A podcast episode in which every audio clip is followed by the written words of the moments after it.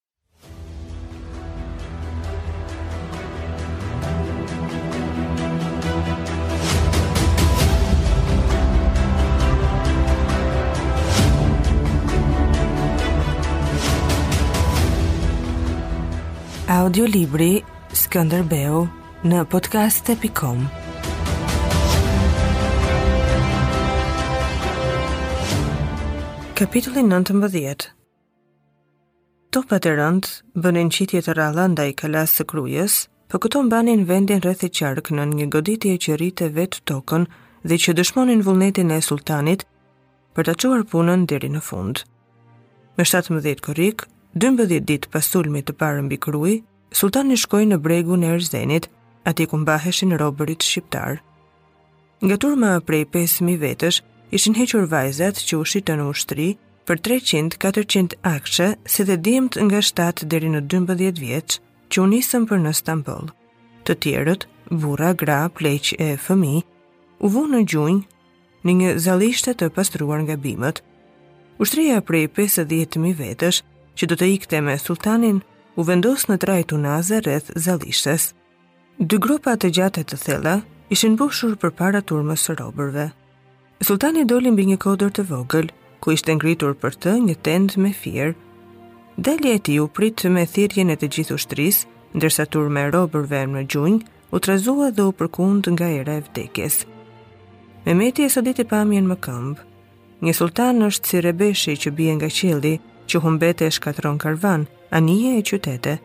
Ai është vullkani që djeg jetët e padobishme dhe është mendimi që stolis botën. Ai do të japë sot një provë të dytë të vullnetit të tij për ta shuar nga faqja e dheut popullin arnaut, kudo që ta ndeshë, si armikun e tij më të keq dhe më të rrezikshëm. Mehmeti ndenji më këmbë për aq kohë sa të rrezatohej ky mendim e të sundonte shpirtin e ushtrisë. Pastaj u ul mbi shilten e lartë dhe ngriti duart drejt qiellit për të dhënë lejen që të nisë plotësimi i vullnetit të Zotit. Rrëzë kodrës te këmbët e sultanit ishin ngritur pesë kulla druri dhe mbi çdo kullë ishte fiksuar një hu me majë të mprehtë i lyer me dhjamë. Sultani bëri një shenjë dhe në hujt u futën deri në gjysmën e trupit pesë agallarët shqiptarë që i patën premtuar sultanit Krujën. Ata do të vdisnin në huj pak nga pak me fytyrën nga kështjella. Pas kësaj, në disa trarë të vendosur në një pash lartësi nga toka, filloi sharrimi i 50 burrave që u dorëzuan në besë në kalanë e Rodonit, Jua kam falur kokat, tha sultani. Me sharrimin në mes, koka i mbetej gjysmës së trupit. Burrat e sharruar u hodhën në të dyja gropat, gjysma e trupit në njërën dhe gjysma në tjetrën, dhe nga kjo mbeti vetëm e thëna. Sultan Mehmeti ta bën varrin dy herë.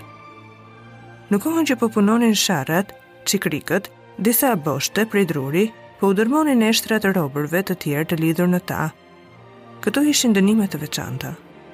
Xhelatët e ushtrisë filluan t'i zvarritnin te gropa nga radhën e parë të robërve, t'i thernin e t'i rrëzonin me një goditje. Masa më e madhe e robërve më gjunjë, priste e ngjeshur dhe e ngrirë nga tmerri i asaj që shihte.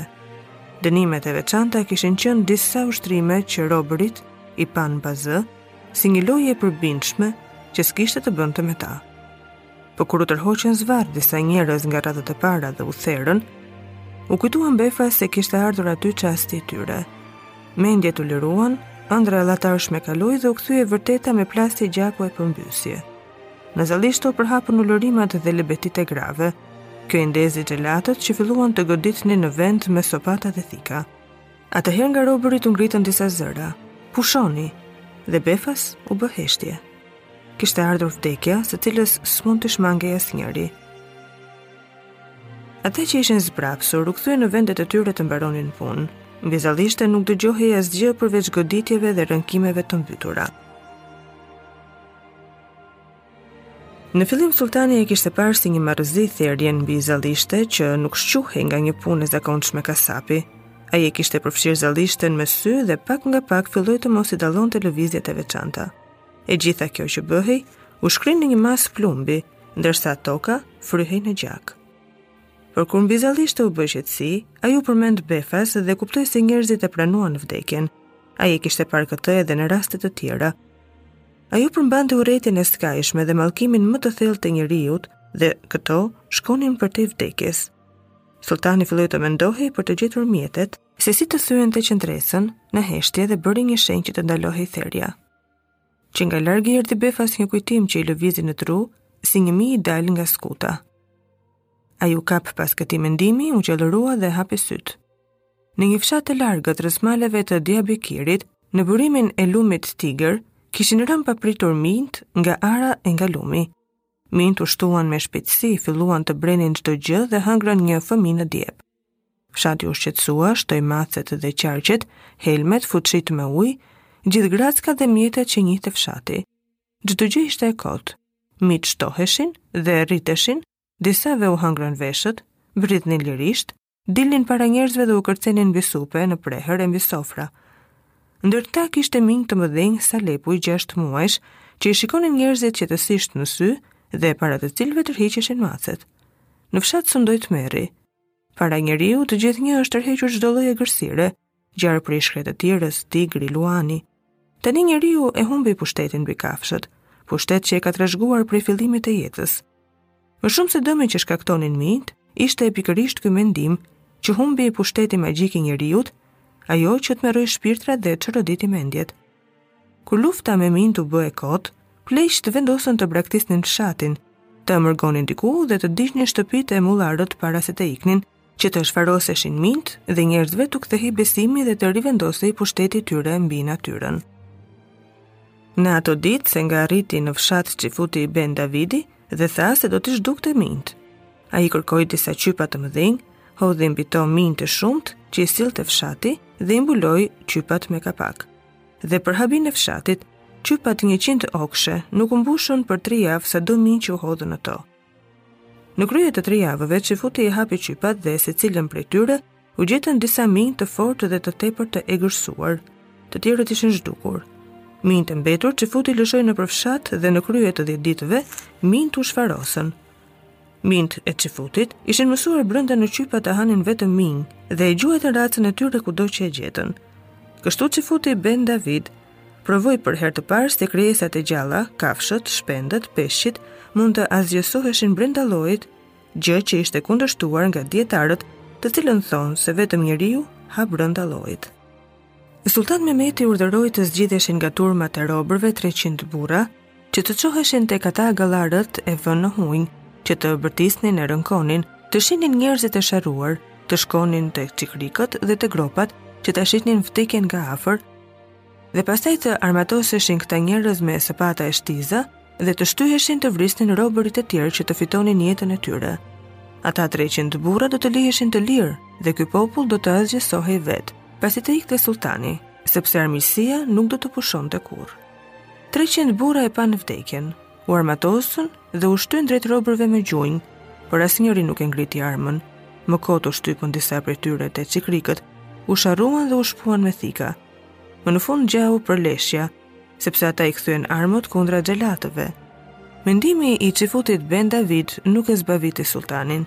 Burrat e zgjedhur për të vrarë robërit u dërrmuan te çikrikët dhe u sharruan në mes. Mbi turmën e të dënuarve ra heshtja. Secili prej tyre E ndihu se aty po ngjanin gjëra të kobshme, po bëheshin gjëra që shkonin përtej vdekjes dhe therja vazhdoi pa zë. Por, kur gropat u mbushën për gjysmë, xhelatët filluan të silleshin si të dehur dhe të flaknin hanxharët dhe sëpatat. Disa ranë për tokë, disa ranë në gjunjë dhe kërkuan nga sultani të hiqeshin nga ajo punë se i kishte zënë gjaku.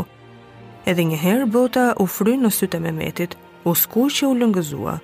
Ai ktheu kryet ngadalë mbi togun e pashallarëve prapa, që rrinin këmbëkryq, dhe përpiqeshin të tregoheshin të gëzuar e të dëfryer me fytyrat ngjyrë dheu. Lepurkëta dinakë që i mërzisnin jetën Mehmetit.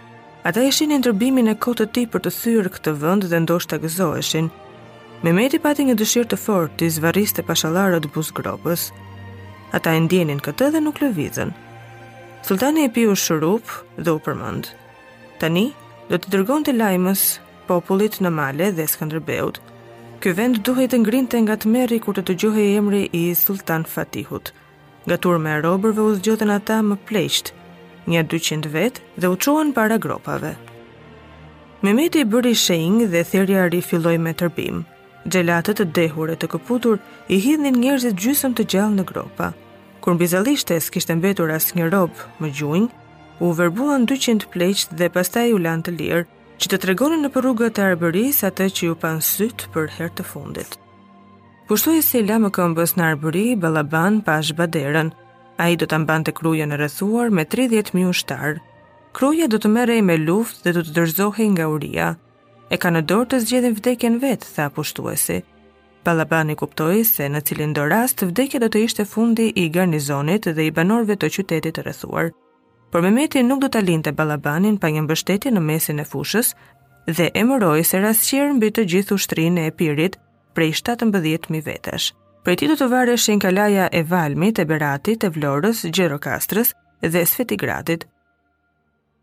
Ballabani do të kishte fuqi të mjafta ta mbante të pushtuar një vend të rënuar nga forcat e gjalla.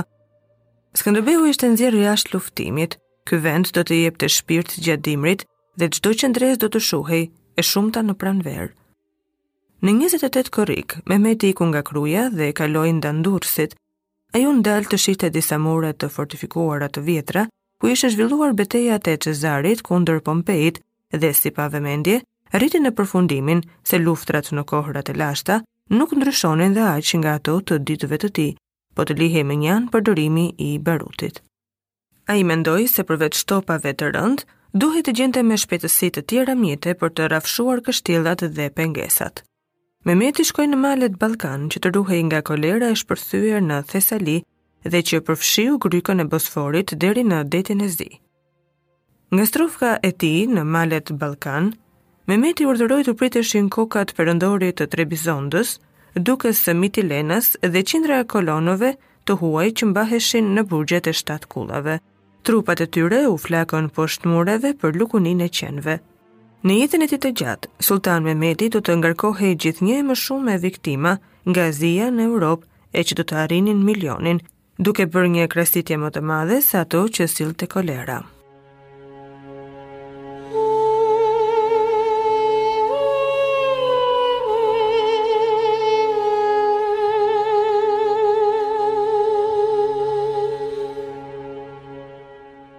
Audiolibri Skënderbeu në podcast.com